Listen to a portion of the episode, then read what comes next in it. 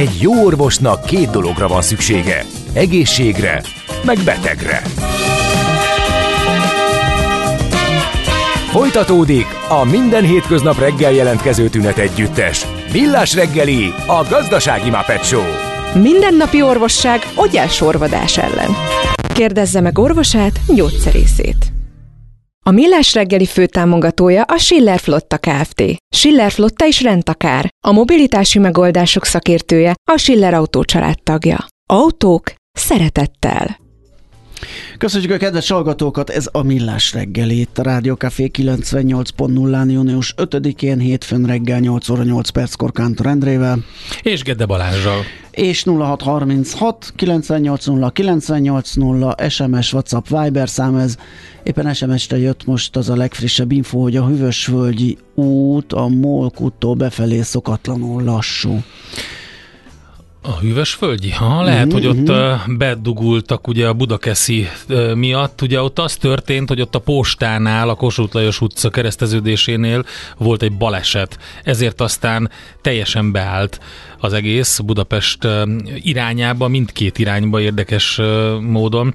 Tehát a repülőtér felé és a, másik irányba is, úgyhogy ez volt a megfejtése annak, amit a kedves hallgatónk küldött, és ugye hát ez lehetett talán az, hogy ami miatt ugye végig nehéz volt a közlekedésbe Budapestre, Budakeszi irányából, a Budakeszi úton is.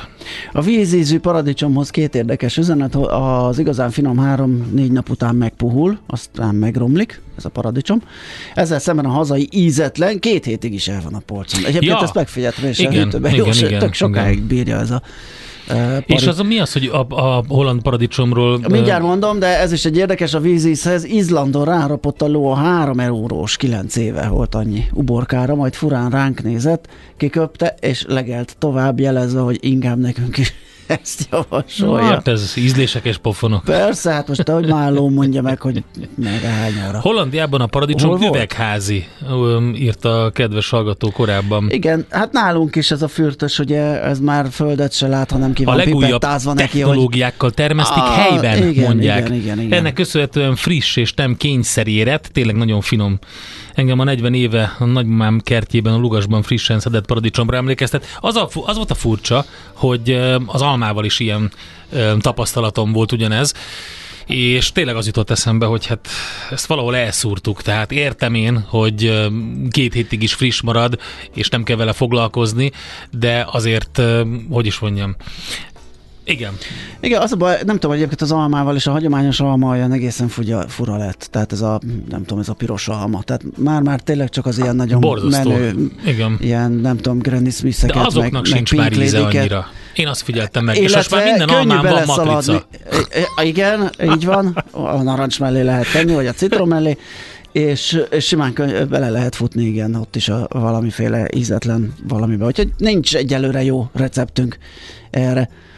Na, ö... Nézzük akkor, hogy most hétfő van, és jön a rovat, ami szokott ilyenkor lenni. Nézd meg egy ország adózását, és megtudod, kik lakják. Adóvilág. A millás reggeli rendhagyó utazási magazinja. Történelem, gazdaság, adózás, politika. Adóvilág. A pénz beszél, mi csak odafigyelünk rá. És a legnagyobb olaj, olaj a legnagyobb olaj. aranykitermelőket, olaj. fekete, fekete olaj. Fekete, fekete olaj, arany. ez meg a sárga arany. Igen. A legnagyobb aranykitermelő országokat járjuk körbe, és most egy kicsit kilépünk ebből az utazásból, és megnézzük, hogy hogy működik ez a World Gold Council, mi ez egyáltalán, és hogy miért fontos erről beszélni. Gerendi Zoltán, a BDO Magyarország ügyvezetője, adótanácsadó partnere van a vonalban. Jó reggelt, szervusz! Jó reggelt! Szia, jó reggelt! Na kik ők? Mit csinálnak? Sokat olvasom, amikor aranyba akarok kereskedni, vagy, vagy bármilyen ügyből kifolyólag elég sok kutatásuk van, nézik a kereslet-kínálati viszonyokat, a jegybankokról olvastam most náluk éppen, hogy mi az egyenleg, ki vesz, ki ad. Igen, hát Ugye ennek az a alapkerete, hogy idén a, a, a legnagyobb ilyen nyersanyagokat nézzük végig, és azokat az országokat, ahol, ahol ezeknek a kitermelése zajlik adójogi szempontból és hát ugye eljutunk eljut, tehát ország specifikusan látjuk, hogy egyes országban mi zajlik, de azért azt látni kell, hogy az, hogy egyes országban mi zajlik, azt a multinacionális cégek döntik el, és ennek van egyfajta nemzetközi háttere, és ezeknek vannak nemzetközi szervezetei. Tehát most úgy néz ki, hogy vannak országok, ahol befektetnek cégek, és adott piacokon legyen az aranypiac, tehát ott kitermelésbe kezdenek, de, ezek a cégek, ugye multinacionális cégek, és az országok között is verseny van, és a lényeg az nagyjából annyi, hogy a, az adott ország adójoga azért az nem teljesen független ezektől az intézményektől. Tehát ma nem az adójogról fogunk beszélni, hogy hogy adózik egy adott bányépítő cég egy adott országban, hanem azt nézzük, hogy ezek a szervezetek, mint például a World Gold Council, az mit is csinál, és mondjuk összehasonlításképpen mit csinál egy OPEC-hez képest. De valójában hasonló, de mégis nagyon eltérő, mert úgy, ahogy mondjátok, ezek a, e, például a World Gold Council, az egy 1987-es alapítású non-profit szervezet, 33 tagja van a világ legnagyobb bányaipari cégei egyébként, tehát nagyon illusztris a lista.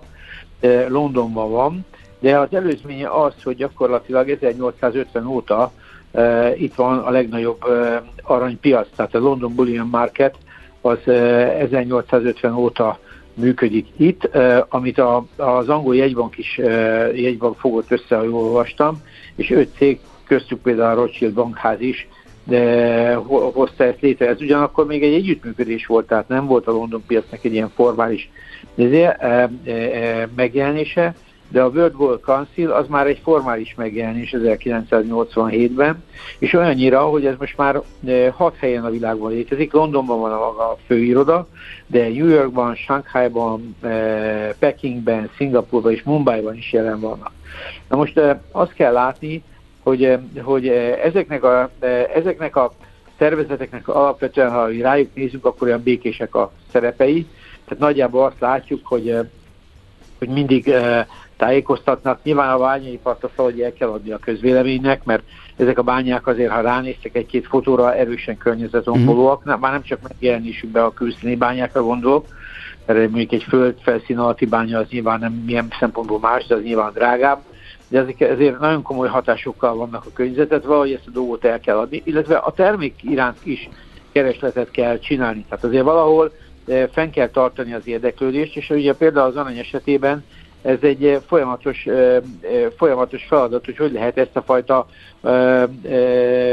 érdeklődést, befektetési modellt, tehát ugye az aranynak egy része az ékszeripar, egy másik része a befektetés, és ilyen szempontból föntartani. Na most a gyakorlatban az, a, a, ami, ami látszik, hogy itt egy nagyon szoros összefogás van, tehát tájékoztatják nyilván Nyilván, e, nyilván összehangolják ezeknek a cégeknek is valamilyen szinten ezek a cégek találkoznak, és e, én azt feltételezem, hogy nyilván egy csomó olyan dologról is beszélnek, nem feltétlen árazásról, ami azért ezeket a célokat befolyásolja, és ha visszatérünk erre az ország cég dilemára, akkor el tudom képzelni, hogy a két-három cég egy adott országba befektet, mert találnak egy új lelőhelyet, akkor ez, az, ez a lelőhely, akkor ott azt az országot nyomás alá tudják venni, mert, és nem csak a normák, kitermelési normák tekintetében, hanem az, hogy mondjuk milyen adó környezetbe kerüljenek be azok a cégek. Tehát magyarán rengeteg a statisztika, rengeteg az információ, a statisztikából egy lehet látni, hogy minden olyan nyersanyag, amit egy ilyenfajta szervezet tart karban, úgymond, azoknak az ára folyamatosan emelkedik. Tehát az aranynak 2000-ben például volt tudom, 350 dollár körül, vagy 300 dollár körül az ára, most már majdnem 2000 körül van. Tehát azért nyilván ebbe egy gazdasági folyamatok is bejátszanak, tehát nem a szövetség manipulálja az árakat, hanem egyszerűen a piacot úgy tudják formálni, meg, meg hát nyilván a piaci kereslet is bele van, de úgy, ahogy te is mondtad, olvasod, nézed, tehát ezek a, ezek a szövetségek itt vannak, és az azért érdekes erről beszélni, nem csak a World Gold Council-ról, mert ilyen majdnem minden e, e, milyen e, nyersanyagra van, ilyen Aha. a Silver Institute, amelyik 1970-ben jött létre, szintén washingtoni székhelyű 23 tag, egyébként vannak azonos tagok, akik nyilván azonos iparágokban ott vannak, akkor a Copper Alliance, az egy 1895-ös washingtoni szervezet, és a világ legnagyobb rész kitermelőit és öntödéit fogja össze, annak 31 tagja van, és ami a legérdekesebb például az International Lithium Association, amely 2021-ben gyakorlatilag hat cég hozta létre, de ha megnézitek a csártokat, akkor 2021-ről 22-re már ötszörös lett a lítiumár. Nyilván ebben benne vannak az iparági trendek, tehát itt a, ők nem az okot csinálják, hanem ők az okozat, Persze. de egy biztos, hogy, hogy, hogy, hogy ezek a szövetségek szinte szerintem így, így ráérzés alapján országok a hatáskörén messze túllépve tudnak feltételeket szabályozni, vagy befolyásolni. Tehát ez egy baromi érdekes folyamat, hogy ezek mögött az országok mögött azt gondolnánk, hogy valahol találnak valamit, akkor ott, a, a, ott az ország megnyílik, és akkor jönnek. De nagyjából látjuk, hogy ezek ilyen 30 fős listák, tehát olyan sok cég nincsen. Tehát, és azért fontos ezt látni, hogy amikor ezekről az árakról beszélünk, és a, az ahhoz kapcsolódó mondjuk adott nemzeti adóterhekhez, hát az egyáltalán nem egyszerű. És sok helyen egyébként erre úgy reagálnak, és így ez az átkötés nagyjából az OPEC-hez, ahol államosították az iparágokat, tehát ezeket a bányászati iparágokat. Vannak olyan országok, ahol a bányaiparban nem engednek be külföldi cégeket. Nyilván az nem egy könnyű dolog egy ilyen céggel a piacon ott lenni, de ez nagyon hasonlít az OPEC modellre, amelyik 1960 óta működik, és ugye azt mondja, hogy ez a Organization of Petrol Exporting Countries, tehát az öböl országokból indult. És ez egy, de az viszont egy világos kartel, tehát azt látni kell és ez egy, ők árakat szabályoznak, meg kibocsátásukat szabályoznak. Ezek a szervezetek, amikről mi beszéltünk ezeknek a nyersanyagok a kapcsán, ezt nem csinálják, tehát a cégek nem is csinálhatnák, de egy, látszik, hogy mindent csinálnak ezen kívül. Tehát, és ez annyi igazából a mai adásnak nagyjából a fő üzenete, hogy hiába, nézegethetünk mi országot, és fogunk is nézni, mert nagyon érdekesek, de azt látni kell, hogy ezek mögött ott vannak ezek a szervezetek, amelyek, amelyek egészen erős, és szerintem egészen erős képviseleti joggal bírnak, és hát látjuk, itt van most már a lítiumnak is van a szervezete, és gyakorlatilag ezek, ezek, az, ezek, ezek a szervezetek mögött ott állnak ezek a cégek, a kitermelő cégek, és ezek a kitermelő cégek gyakorlatilag a, a, a, ehhez kapcsolódó normákat, szabványokat, e, e, a, a, gyakorlatilag a ehhez kapcsolódó PR munkát, az ehhez kapcsolódó piaci ismereteket, technológiai, minőségi normákat írják elő. Tehát magyarán ezek elég szabályozott piacok, nehéz megítélni, hogy kikire hogyan hat, de egy biztos, hogy ma 2023-ban nem lehet e, nyersanyagokról úgy beszélni, hogy ezeket a szervezeteket figyelmen kívül hagynánk. És tulajdonképpen ez a rövid üzenete a, a, a mai e, összefoglalónak, hogy, hogy valójában e, országspecifikusan haladunk, de, de ezek az országok mhm. azért ilyen szempontból nem függetlenek. Na, ez a, a nyersanyag. Hát igen, egy kis, kicsit, kicsit lobbizva van akkor ez a dolog az iparági szereplők De által. Nagyon, nagyon oké. Okay. Szerintem, szerintem nagyon, nagyon érdekes, és ez, és ez azért, mert a világpiaci árakat nyilván a befektetők diktálják, vagy a felhasználók, és ez egy örök dilemma, hogy mondjuk mennyi pénz van a, a commodity piacokon, amik már nem a termelők vagy a gyártók befolyásolnak, hanem a spekuláció, de egy biztos, hogy ezek az iparági, tehát e, iparági szövetségek, non-profit szövetségek, azok gyakorlatilag e, minden adattal rendelkeznek, és ez alapján szerintem rengeteg, tehát globális iparági e, rálátásuk van, uh-huh. és mhm. ez szerintem nagyon sok mindent meghatároz. Oké. Okay. Jó, nagyon fontos, hogy ezt elmondtad szerintem. Abszolút. Köszönjük szépen, jó munkát, szép napot. Nagyon szívesen, aztán jövő héten folytatjuk, okay. akkor megyünk országos. Rendben, oké, okay, szia Zoli. Gerendi Zoltánnal beszélgettünk, a BDO Magyarország ügyvezetőjével, adótanácsadó partnerével, a World Gold Council ugye er, erős megjelenéséről volt szó, és arról, hogy ez a szervezet ez lényegében közvetlenül, hát majdnem közvetlenül piacformáló hatással bír, talán nem annyira, mint az OPEC, de hasonló módon. Folytatódik az adóvilág. A Millás reggeli rendhagyó utazási magazinja. Nézd meg egy ország adózását, és megtudod, kik lakják. Adóvilág. A pénz beszél, mi csak odafigyelünk rá.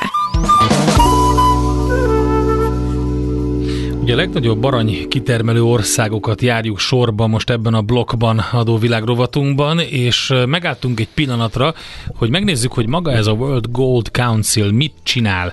És ezzel kapcsolatban ugye Gerendi Zoli elmondta azt, hogy mit csinál a szervezet, miért felel, milyen lobby ereje van, hát az, hogy, hogy befolyásolja a, a piacot. termelőnek is van ilyen. Igen, és a többieknek is van. Szervezete, tömörülése.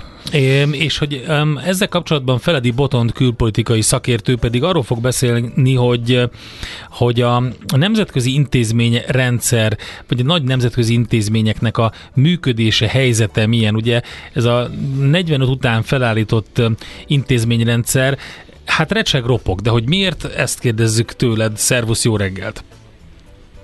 Sziasztok, jó reggelt! Szia, jó reggelt! Hát elhallgatva itt a, szia, a közlekedési információkat a hallgatóknak szerintem van ideje most végighallgatni egy kis összefoglalót Igen. erről.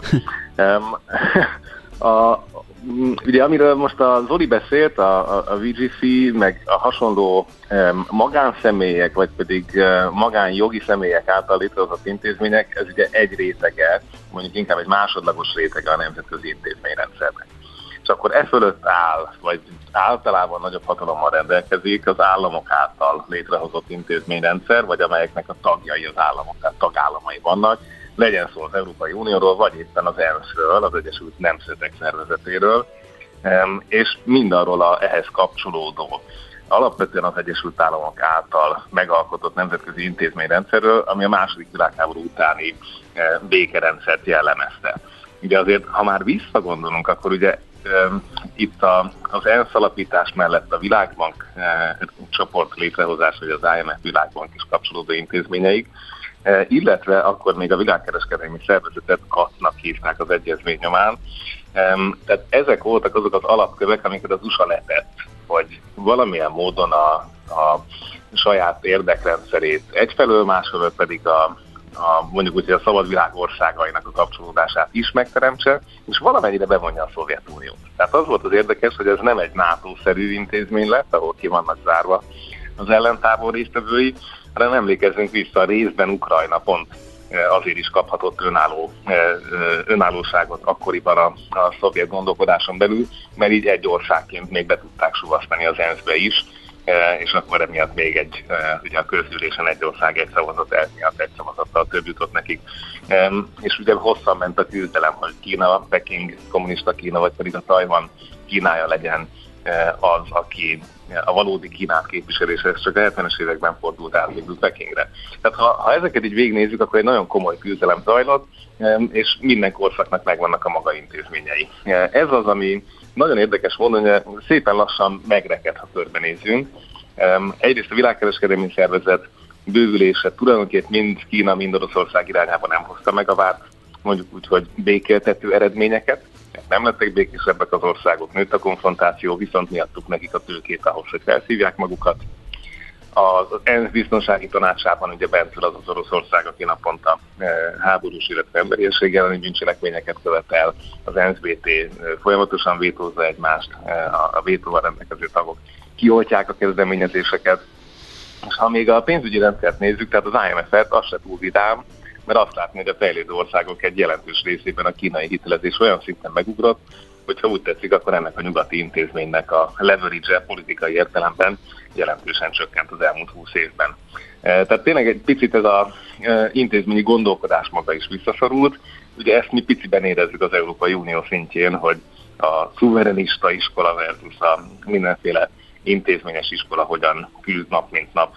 E, ebben ugye elég karakteres a minden álláspont, de azért ez minden tagállamban megvan a maga módján. Úgyhogy hát itt tartunk akkor, amikor azt látjuk, hogy a klímaváltozással szemben kizárólag az összes szuverén ország összefogásával lehetne érdemben Pont ez jutott valamit. eszembe, igen, hogy ez nagyon szomorú, hogyha nem működnek ezek a globális szervezetek, mert egész egyszerűen nem fog menni ilyen nemzeti szinten egyesével egyezményeket létrehozni, azt megpróbálni betartani, ehhez erős szervezetek, globális szervezetek kell lennének, hogy ez működjön. Igen, de miért nem működnek? Tehát, hogy azért nem működnek, mert rosszul lett kitalálva a, a keretrendszer, vagy azért nem működnek, mert, és erre vannak bizonyos jelek, mert egy, hogy is mondjam, egy ilyen dinasztikusan történik minden, ilyen, egy ilyen, hát egy meg, ilyen kormányzó az elit az, aki... Meg az érdekellentétek, uh-huh. tehát az EU-ban is azért hallod azokat a hangokat, hogy Brüsszel nem mondja meg, mert hát mi vagyunk egy valaki, és nem, nem feltétlenül azt szeretnénk csinálni, amit föntről megmondanak. Gondolom ez megy végig mindenhol.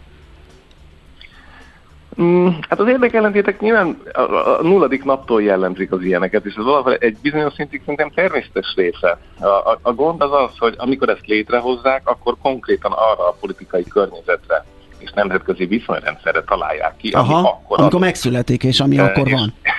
És uh-huh. ezeket megváltoztatni viszont iszonyatosan nehéz. Tehát gondoljatok vissza az elbukott uniós alkotmányos népszavazásokra, amit nyugati tagállamok, ugye Hollandia, Franciaország szavaz le. Uh-huh. Vagy hát egy ENSZ reformot elképzelni eh, érdemben a biztonsági tanácsét, ugye ezt 30 év az, a vasfüggön leomlása óta nem tudtuk megcsinálni.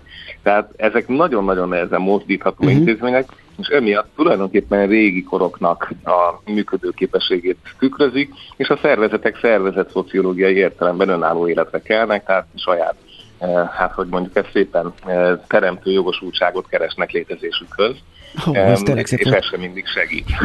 Uh-huh. és akkor ezek így el, elkanyarítják a valóságtól az intézményeket, amiket visszarángat a politikai valóság, de nem biztos, hogy azt viszont képes kezelni a régi eszközökkel.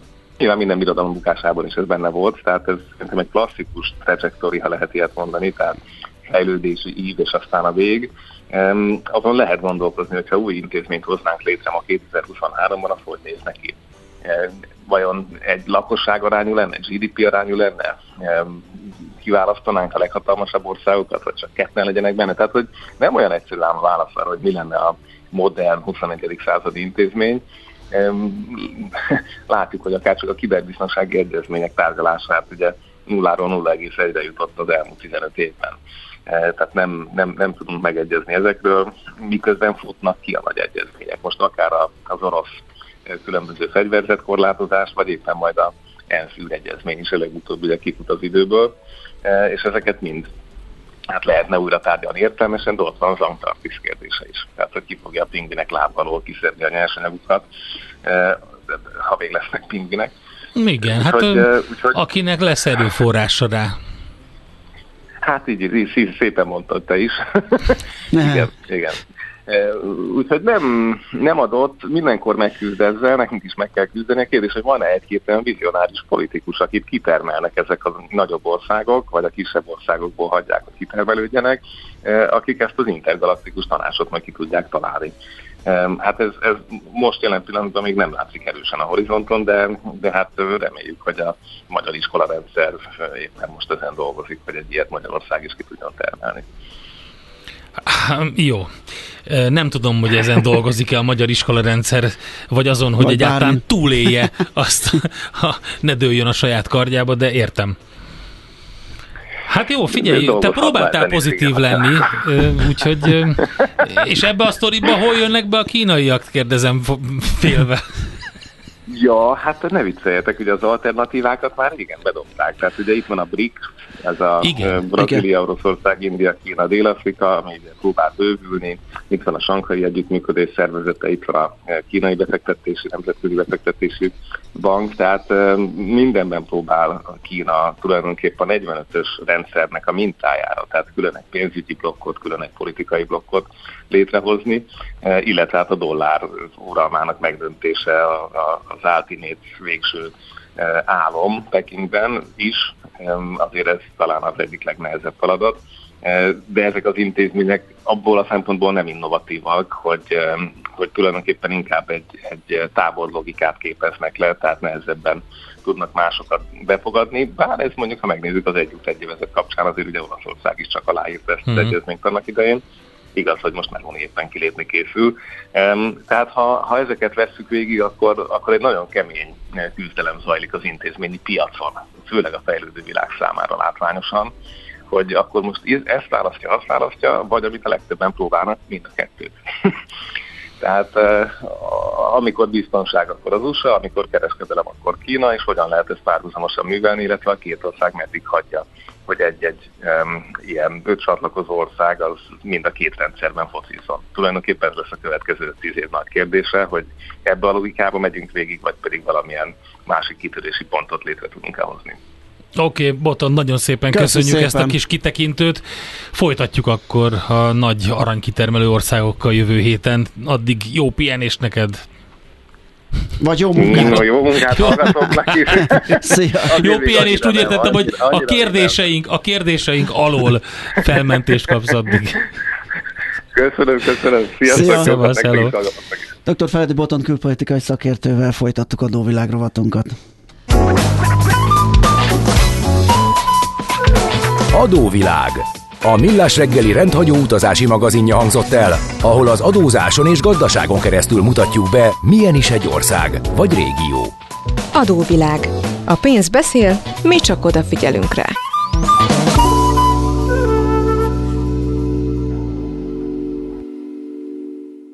Jé, hát ez meg micsoda?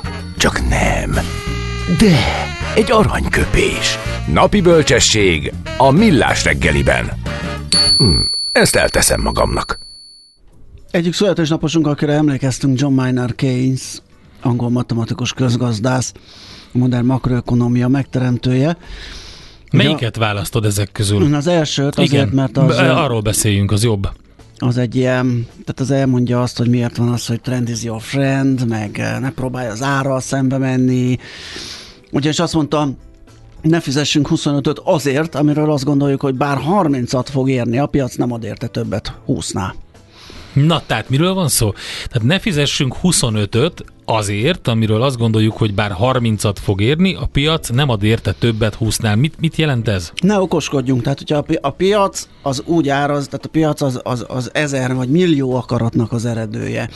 Tehát annak oka van, hogyha 20-ra áraz a piac, ne akarja okosabb lenni, hogy hú, ez pedig, hú, ez Simán nagyon... megveszem inkább 25 Simán, ér is, mert a 30-at is, is fog érni, és akkor 5 nyerek rajta. És de nem. se gondolod, hogy miért van az, hogy a piac csak 20-at ad érte, uh-huh. miért nyomott az ár, Hát azért annak oka van, és lehet, hogy olyan információk is beépültek már az árba, amit te nem is hallottál, vagy nem is tudsz, de hozzáférnek akár mert benfentesek, akár mert óriási rendszereket üzemeltetnek elemzőházakkal, sok információval, és ezek megjelennek az árba.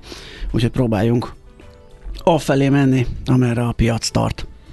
Jó, nagyon érdekes és nagyon jó. Volt egy kérdés közben, amit meg akartam válaszolni megkérdezte kedves. Igen, az, hogy segítsük minden. értelmezni ezt az emberiség vagy emberiesség ellen. Itt mert régen emberiséget mondtak, és most egyre többször emberiességet hall. Két dolgot tudok ajánlani. Van egy jogiforum.hu, és ott volt egy egy interjú az ELTE nemzetközi jogi tanszékén dr. Latman Tamással, és kimondottan ezt a, ezt a problémakört boncolgatják, és magyarázzák meg, hogy hogy hogyan vélekednek erről. Az a lényeg, hogy egy, a jogászok között is vita van arról, hogy melyiket alkalmazzák helyesen a fordításoknál az angol Crimes Against Humanity miatt, Igen. és hogy ezt miként kell fordítani. De van egy ilyen szigorú fordítási érv, ami az emberi ességet tartja jobbnak, mert ugye ezek kiemelt bűncselekmények, amik nem az egész emberiséget, Ezt hanem mondani, az emberi méltóságot. Így van, úgy lehet viszonylag jól elhelyezni, hogy az emberiség elleni bűncselekményeknek a részhalmaza az emberiesség Igen. Ellenéesek. Tehát ott erőszakoskodás, háborús bűncselekmény, tehát minden, ami a lokális ö, disznóság vagy bűncselekmény, az tartozik ide, és az emberiség elleni pedig egy nagyobb, egy globális, egy, egy, egy nagyobb átfogó valami. Igen, de a lényeg tényleg az, hogy amikor az angol Crimes Against Humanity-t mondják, akkor ő ott, ugye ez mind a kettőt jelentheti, igen. Ott meg kell különböztetni a magyarra a fordításból, hogy miről van szó, és akkor ezt az elvet követjük. De egyébként érdemes a jogiforum.hu hun elolvasni ezt a e, dr. Latman Tamás interjút, és abban nagyon hosszan beszél erről. Tudod, mi az a koktél cseresznye? Hát azt, hogy hol szeret a cápa, akkor figyelj, mert játék következik. Előre szólok, hogy a játék válaszokat ne Igen. az infokukac millástegeli.hu-ra küldjétek. Valami megküldtetek, most nagyon nem figyeltétek. Mert az a... automatikusan megy a kukába. Igen, Hanem sajnos. van egy külön erre szánt játékos e-mail cím, ami mindjárt elhangzik. De, hogy mit lehet nyerni? A helyes megfejtést beküldők között minden nap kisorsolunk egy kettő szóló, három fogásos ebédet, vagy vacsora meghívást, az ételekhez passzoló helyi borválogatással, a négy csillagos Mandilla Panzió mediterrán éttermébe, a panziót üzemeltető Mandilla Kft. jóvoltából. Mai kérdésünk a következő mely magyarországi régiót emlegetik a magyar Toszkánaként? A. Őrség, B. Bakony, vagy C. Káni medence. És most jön az, hogy hova kell küldeni a válaszokat. A helyes megfejtéseket ma délután 4 óráig várjuk a játékukat rádiókafé98.hu e-mail címre. Kedvezzem ma neked a cseresznye!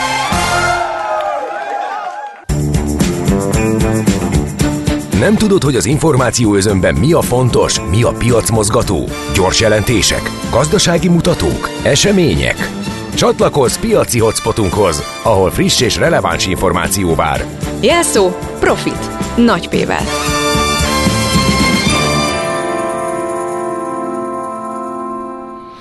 Na hát a telefonvonalunk túlsó végén Turner György, USA Desk üzletkötő. Szia, jó reggelt! Jó reggelt kívánok!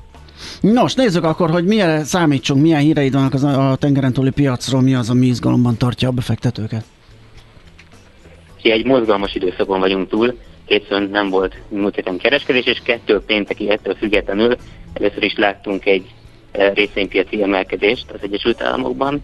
Az S&P az 1,84%-ot emelkedett, a Nasdaq kompozit több mint 2%-ot, a Dow Jones is majdnem 2%-ot, tehát láttunk egy, egy részvény emelkedést. Fél makrofronton vagy hírek frontján, amit láttunk, először is megegyezésre jutott a demokrata és a republikánus párt az adós fonnal kapcsolatban. Ez azt jelenti, hogy az lett a megalapodás, hogy a plafon az felfüggesztésre kerül, egészen a 2024-es választások utáni időszakig, konkrétan 25. januárjáig. E, ezért cserébe e, a republikánus vezetés e, azt várt el a kormánytól, hogy korlátozzák az állami költekezést. Pontosan ezek a megkötések hogy lesznek szétosztva és allokálva az részben diszkrecionális a kormányra, illetve részben kongresszusi alkuk során fog kialakulni. Ha azt nézzük, hogy a piac ez konkrétan a kongresszusi megegyezés után már beáraszta, hiszen az nem volt nem volt ilyen várakozás, hogy a szenátus megakasztana a folyamatot, vagy Joe Biden ne írja, ne írja le alá. Tehát onnantól a piac, hogy megnyugodott az amerikai technikai csődkockázat miatt, tehát onnantól ilyen, ilyen szintű mhm. aggodalom nem volt. Ez azt is fogja jelenteni, hogy függetlenül hogy ez nem volt valószínű csődben az Egyesült Államok, ténylegesen futott ki a készpénzből vagy a, a cashből az amerikai államadóságot és költéseket menedzselő Treasury. Most, hogy újra tud kölcsönvenni, valószínűleg nagyon materiális mértékben fog megjelenni a piacon, mint kölcsönvező fél, hogy újra töltse a pénzkészleteit. Ez több milliárd, de akár az ezer milliárd dolláros nagyságrendet is elérheti összességében, mint kibocsátás. Ez kétségtelenül kiszívja a likviditási részét a piacról. És az is várható, hogy ez feljebb tolja a rövid távú kamatokat gyakorlatilag rövid távon emiatt egy ilyen restriktív hatást várunk, hiszen a költekezés önmagában ettől nem emelkedik, de, de a kölcsönvétel miatt a, a piaci likviditás csökken. E, ha a kamat görbére ránézünk, e, igazából már két hete is e, említette kollégám volt a műsor, hogy elkezdett árazni a piac egy, még egy adott esetben még egy kamatemelést, akkor kb. 40% eséllyel. Ehhez képest, a FED kommentár kifejezetten hűtötte a kedélyeket, tehát a júniusi a héten lévő kamat döntésre vonatkozóan nem nagyon várunk kamatemelést, a piac sem nagyon, inkább a júliusra történő kamatemelés fogadások erősödtek meg. De a másik érdekes dolog, hogy kijött pénteken egy úgynevezett non-farm payroll, gyakorlatilag, illetve ennek a változása, gyakorlatilag a foglalkoztatottság változását próbálja megfogni, E, és ez sokkal erősebb lett, mint amit várt e, a piac, vagy ami akár a múlt hónapban volt. Ez 339 ezerrel nőtt. Mhm. Miért, ezt, e, miért, erre, ez, ez ön... miért erre fektette a hangsúlyt a piac? Ugye három munkaerőpiaci adat jött, ebből az órabérek emelkedése csökkent, és nőtt a nagy szám és a munkanélküliségi ráta. Ez az NFP adat, ez az, ami a vártnak tal ellentétben rosszabb lett ebben az esetben, mert hogy ez emelkedett, és valahogy ebbe kapaszkodtak, hogy ettől megijedtek a befektetők, hogy még mindig nagyon feszes a munkaerőpiac.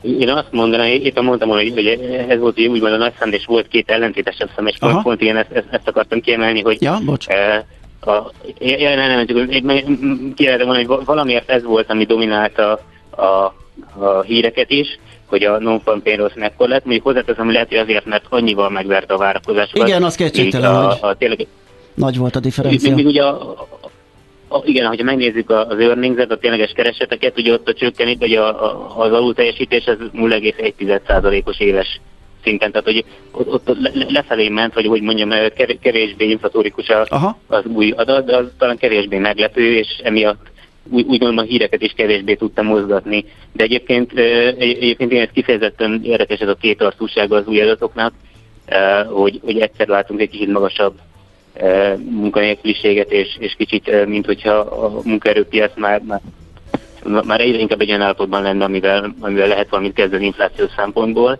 már egyre kevésbé tudnák úgymond a, a, a, a, a magasabb éreken keresztül egyre inkább kifizetni a magasabb árakat a, a, a munkaerőpiaci részvezők, de, de ugye ez, ez, ez az ellentmondásos jellege miatt annyira nem nyugtatta meg a, a piacokat az infláció szempontjából, és ugye nyilván a, a főszám a, a non-farm pedig kifejezetten másik irányba hat. Mm-hmm. De a Fednél érdekes lesz majd, nem feltétlenül maga a döntés, azt várjuk, hogy e, a rátákat hagyják, ahol vannak. Egyrészt a kommentár lesz érdekes, hiszen, e, hiszen érdekes lesz hallani, hogy mit gondolnak a munkaerőpiacról, milyen számokra kíváncsiak, mit szeretnének látni, illetve ez úgynevezett dot plot, ahol a várakozásaikat jelenítik meg a, a, az elkövetkezendő időszakra, hogy hol lesz a, a Fed Funds-nak a, a rátája. Tehát így, ennyiből ez egy, ez egy nagyon jó irány lehet majd, vagy egy irányzék. Hogy adott esetben a júliusi találkozón mi lesz az eredmény, vagy hogy mit várjunk az év maradékában, és milyen makroadatokra érdemes egyáltalán odafigyelni. Um, ami még érdekes makroadat lesz, az nyilván a, a, az inflációs adat Eh, ami szintén a héten fog kijönni. Az majd talán egy kicsit eh, jobban rá tud világítani a folyamatokra, amiket látunk, hogy pontosan merre is tart az amerikai gazdaság.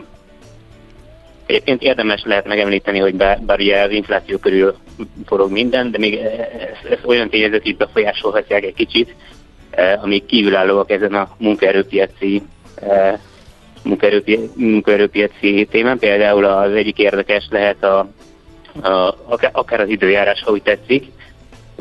Ugye a Panama csatorna az kiemelt fontosságú az amerikai, hát a világkereskedelemben is, de az amerikai kereskedelemben különösen. És, és ott például az El Niño miatt, hogyha továbbra is csökkenne a, a vízállás a belső tapon, amin keresztül szállítják a, ezeket a hatalmas hajókat, és korlátozni kéne a forgalmat, oh az ilyen önmagában feltolná, e, feltolná hogy ez árakat, majd a szállítás árait, uh-huh. vagy adott esetben ugye feltorlódhatnának az áruk, és ugye ez a Covid érában is láttuk, hogy ez is önmagában egy ilyen eh, ellátási lánc eh, probléma, önmagában meg tudja dobni az inflációt, de elvileg a, a, a szabály ez alapján valami hasonló, hogy egy 20% növekedés a szállítási költségben, egy ilyen 0,15% növekedés az inflációban általánosságban az amerikai piacra. Más kérdés, hogy nyilván a, a, a, annak, annak a kérdése, hogy, hogy ténylegesen mekkora lesz az esőzés Panamában, és emiatt a túl vízszintje, ez egy meglepően nehezen e, előrejelzhető folyamat, de összességében e, amennyire ki lehet venni a szakértők megszólalásait, kifejezetten pessimisták, pont ahogy említettem az elnyó lehetőségei miatt. Tehát itt ilyen tényezőkkel is lehet számolni vállalati szintjén, illetve a nagyobb piacon pedig ugye láttunk a mesterséges intelligencia által hajtott techrali, uh-huh. mint hogyha át, átsúlyozódna a, a, a növekedési részvények felé a, a, a részvénypiac megint, tehát innentől a, a, az értékalapú befektetőknek volt egy jó éve, úgy tűnik. Kérdés, hogy ez most csak egy ideiglenes felugrás, vagy megint visszatérünk abba a paradigmába, ahol a tech meg a részvények mindent visznek.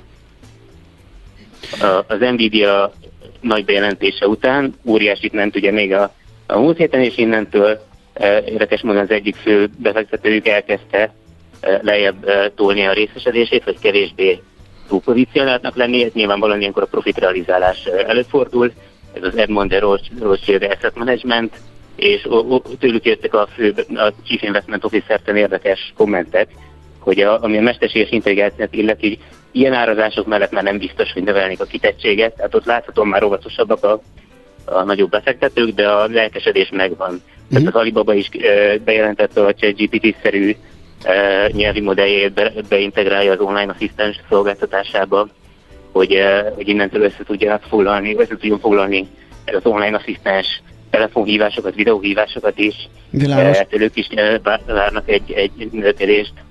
Okay. Illetve még egy olyan... Gyuri, elfogyott az időnk, csak nagyon röviden, egy pár másodpercben. Ja, illetve a Tesla-nak még ugye jót tett a, az IRA tax creditnél, hogy még részesedhetnek ebből e, jobban, mint a, a, a, a kompetitorok.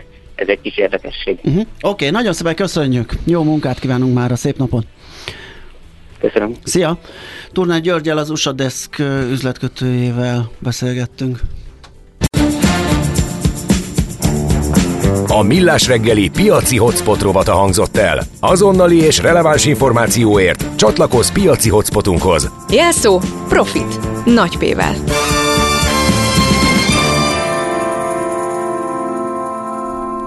Jön Czoller Andi a legfrissebb hírekkel, információkkal, utána pedig jövünk vissza mi, és Mihálovics gazda rovatunkban arról fogunk beszélgetni, hogy jön az importi gyilkos a rivális. Úristen, krimi, krimi a Mihálovics gazda rovatban. Igen, abszolút. Hogy miről lesz szó, hát az kiderül majd a hírek után. Ami nem megy, azt nem kell erőltetni. Millás reggeli